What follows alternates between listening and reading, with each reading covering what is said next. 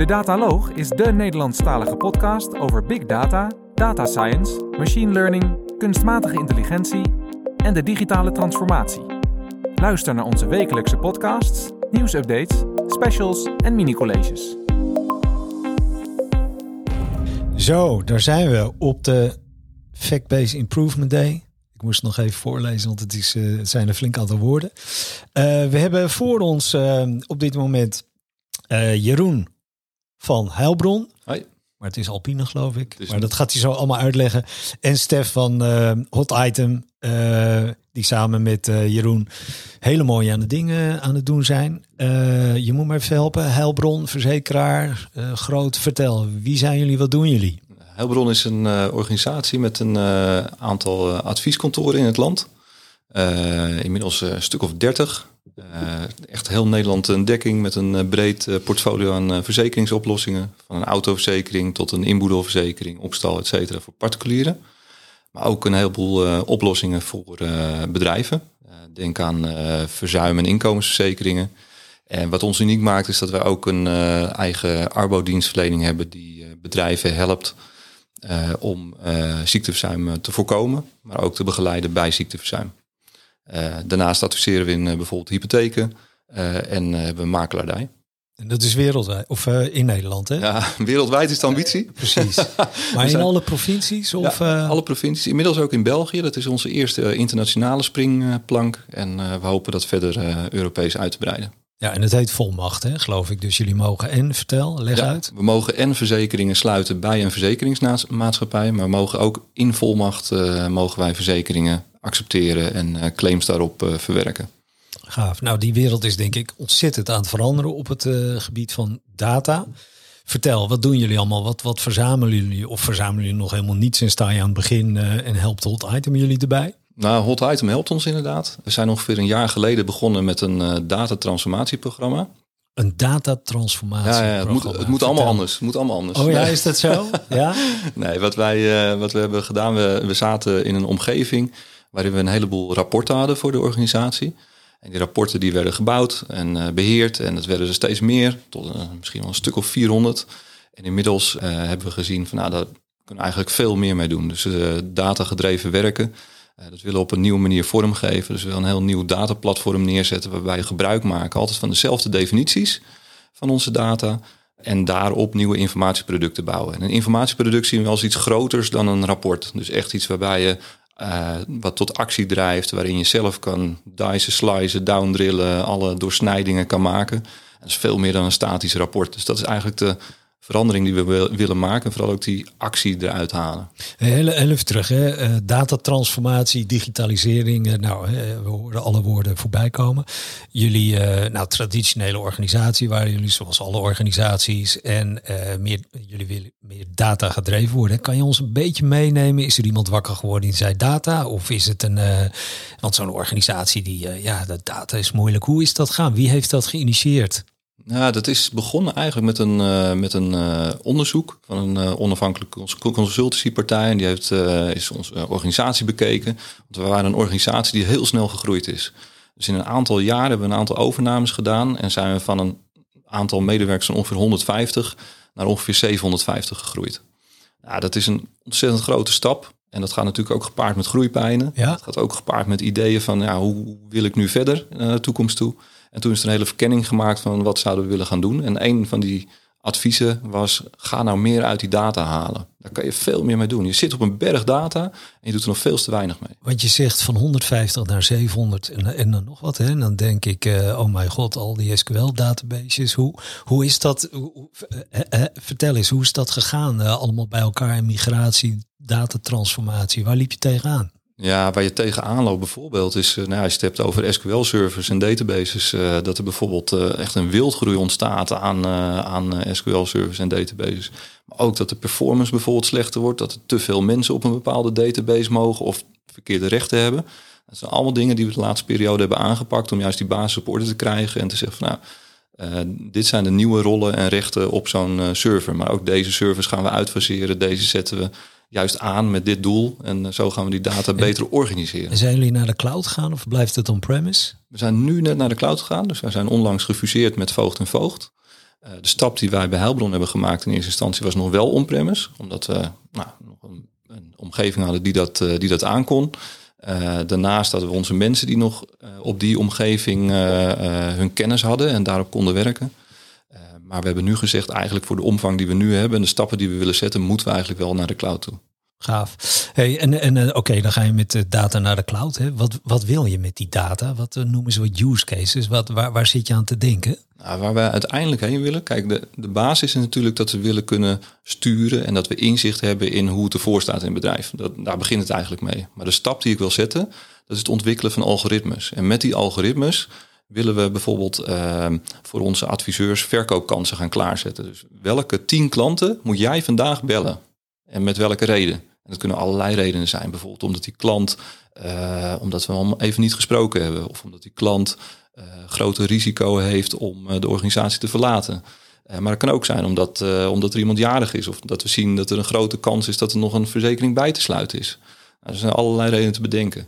Hey, en Jeroen, jij, bent, uh, jij zit dan bovenop die data-afdeling. Hè? En dan, uh, dan uh, zeg je van ja, we willen sales eigenlijk informatie geven waar ze wel mee kunnen. Dat betekent de business. Hè? Kan je wat vertellen over, over um, ja, hoe gaat dat bij jullie? Want de business die zegt natuurlijk, ja, ik doe het al jaren. Kom jij al met je data? Dus hoe, hoe zie jij de nerds en de business samenwerken? Nou, ik denk wat je daarin wel ziet, is dat de, onze business in ieder geval, die is heel erg gewend om te werken met lijstjes. En daarom denk ik ook in, in een use case, die, zoals ik die net noemde, het klaarzetten van verkoopkansen. Dat zie ik dus ook als in mijn dataproduct. Dat mondt uiteindelijk uit in een lijstje met klanten die de adviseur morgen kan gaan bellen. En zo probeer ik aan te sluiten met wat heeft die business nou nodig? Hoe zijn ze gewend te werken? En hoe gaan we ze dan van dataproducten voorzien die daarin dus ook ondersteunen? En, kan je een beetje uitleggen hoe dat proces gaat met de business? Zit je dan met tien salesmannen en zeg je van joh, vertel eens uh, wat, wat heb je nodig? Of, of ben je dat zelf aan het bedenken? En hoe ga je dat vormgeven in algoritmes? Uh, het lijkt me een hele slechte zaak als ik dat allemaal ga bedenken. Dat, uh, ik heb ideeën genoeg.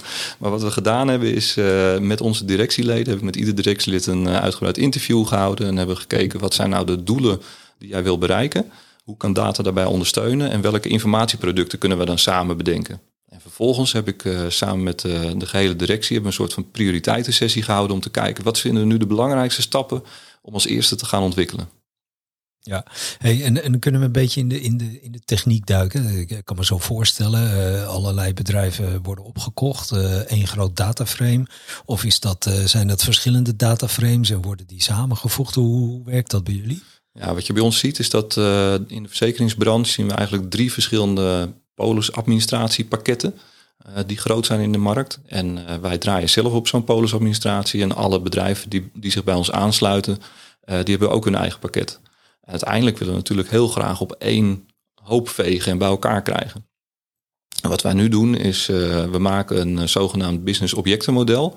Dat betekent, daar gaan we kijken wat, wat is nou een verzekering en wat definieert een verzekering. En dan merk je dus al, zelfs op zoiets, zoiets bazaals als een verzekering, als je het daarover hebt met andere partijen, kunnen het toch andere definities uh, zijn. En dat proberen we dus met elkaar in dat business objectenmodel bij elkaar te krijgen. En van daaruit gaan we die uh, andere polis administratiesystemen bij elkaar vegen eigenlijk in ons één groot data warehouse. Ja, dus dat betekent eigenlijk dat je, dat je nog niet zozeer aan die algoritmes kan beginnen, maar meer nog dat je in het hele ETL gebeuren zit, in het schoonmaken van data. Of kan je, kan je al wat doen? Ik denk, dat je, ik denk dat je altijd iets kan doen op het gebied van AI en algoritmes creëren. Alleen uh, moet je heel goed kijken, wat kan ik nu doen en hoe, hoe betrouwbaar en hoe kwalitatief goed is dat model. Dus dat willen we ook heel graag doen, om zo ook te identificeren wat we nu moeten gaan doen om straks hele goede algoritmes te kunnen maken. Ja. Uh, voorbeeld, uh, we zouden nu al kunnen kijken op het gebied van AI en text mining bijvoorbeeld. In welke open notitievelden er bijvoorbeeld toch per ongeluk medische informatie staat wat niet mag. Dat kunnen met een AI-algoritme kunnen we dat echt heel netjes herkennen en dan dus ook opschonen. Hey, en, en, de mensen die bij jou uh, actief zijn, wat zijn dat voor mensen? Zijn, dat, zijn die los op Python of gebruiken die vooral tools uit uh, uh, nou, de, de, de, de cloud supplier die jullie hebben? Ja, nu, nu echt op de cloud supplier. Dus dat is de, de grootste focus, het neerzetten van het platform en de informatieproducten. En dat doen we op dit moment allemaal in de, in de Microsoft stack. Duidelijk. Ja. Hey Stef, hot item. Vertel, waar, waar ondersteunen jullie Jeroen bij? Nou, eigenlijk wat Jeroen net heel mooi omschreef, die hele datatransformatie, zit een aantal componenten aan. Dus al de organisatieverandering, de mensverandering, maar we willen ook technisch wat neerzetten. We willen een nieuw platform, Microsoft Azure neerzetten. En wat wij realiseren is eigenlijk ondersteuning en die co-creatie om dat te realiseren. Dus wij helpen, wat betekent dat praktisch? Is dat wij Jeroen en zijn team helpen om dit te realiseren. Dus het is training on the job. Het is uh, zorgen dat die prioriteitssessies goed zijn voorbereid en dat er de juiste diepte wordt geraakt in gesprekken. En het daadwerkelijk implementeren van oplossingen. Ik gaaf, ik hoor datatransformatie ehm, en ik hoorde Stef ook zeggen menstransformatie. Uh, natuurlijk bij jullie allemaal hippe mensen, maar ik kan me ook zo voorstellen in de verzekeringswereld kan dat er anders uitzien. kan, je, kan je daar eens wat over vertellen? Is, is willen mensen, natuurlijk willen mensen, maar het is ook best wel een bedreiging. Hoe doen jullie dat, die verandering? Die verandering bij de mensen, die proberen echt vorm te geven door ze ja, gave opdrachten te geven. Ehm, door ze te, te, laten helpen in het maken van het, van het dataplatform. Dus het is heel belangrijk dat we dat samen doen met mensen die dat eerder gedaan hebben. En daardoor hun competenties verder ontwikkelen. En ik denk dat dat juist ook is waar, waar de, zeg maar de medewerker van nu, de data-engineer, veel energie van krijgt om nieuwe dingen te leren. En, en om iets gaafs neer te zetten, zo'n dataplatform. Ja, Hey, het, het, is momenteel veel business intelligence, denk ik. Terugkijken, wat is er gebeurd, noem maar op. Hoe, hoe zie je de toekomst voor je? Wat, wat zijn je plannen voor de komende drie jaar? Ja, ik denk dat BI zal daarin een rol blijven spelen. Juist om dat inzicht eh, in, eh, de, de voortgang van een bedrijf te hebben. En hè, voor, de, voor de hogere regionen om te zien van zijn we op koers met het behalen van onze strategische doelen. Maar ik wil eigenlijk steeds meer toe naar die stap naar, naar algoritmes. En die dan gebruiken om juist de businessprocessen te gaan verbeteren. Want die, daar heb je de algoritmes nodig. Hey, dat is leuk hè, want jij zei, je hebt het over algoritmes en voorspellende. Als je nou kijkt naar Arbo, hè, je zei zelf, we zijn best wel gespecialiseerd en uniek in die hele Arbo-service. Uh, nou, als werknemer uh, en je wordt ziek, dan word je twee, uh, kan je twee jaar doorbetaald krijgen. En daarna kom, komt helaas Alpine slash Heilbron die moet gaan betalen. Wat zijn nou bijvoorbeeld variabelen die kunnen voorspellen of iemand tegen een burn-out of ziekte. Ben je daar al mee bezig met zo'n voorspellend algoritme? Het, het, vooraf voorspellen is denk ik, is denk wel mogelijk. Um, dat doen we op dit moment nog niet. We zijn echt begonnen bij nou, basisverzekeringsgegevens. Ook omdat het nog wat veiliger is. Hè. Dus anders, uh, we moeten ons dan ook gaan richten op de medische gegevens. En dat is natuurlijk wel een heel uh, een bijzonder. Dus heel voorzichtig mee omgaan. Uh, maar er zijn hele goede algoritmes op te, te bedenken. Bijvoorbeeld als een medewerker een x aantal keer kort verzuim heeft gehad in een bepaalde periode, is dat vaak een indicator dat diegene voor langere tijd zal gaan uitvallen afhankelijk van de type klachten, uh, mogelijk ook de type branche waar diegene in werkt, uh, in de regio waar diegene in werkt. Uh, leeftijd kan erin een rol spelen.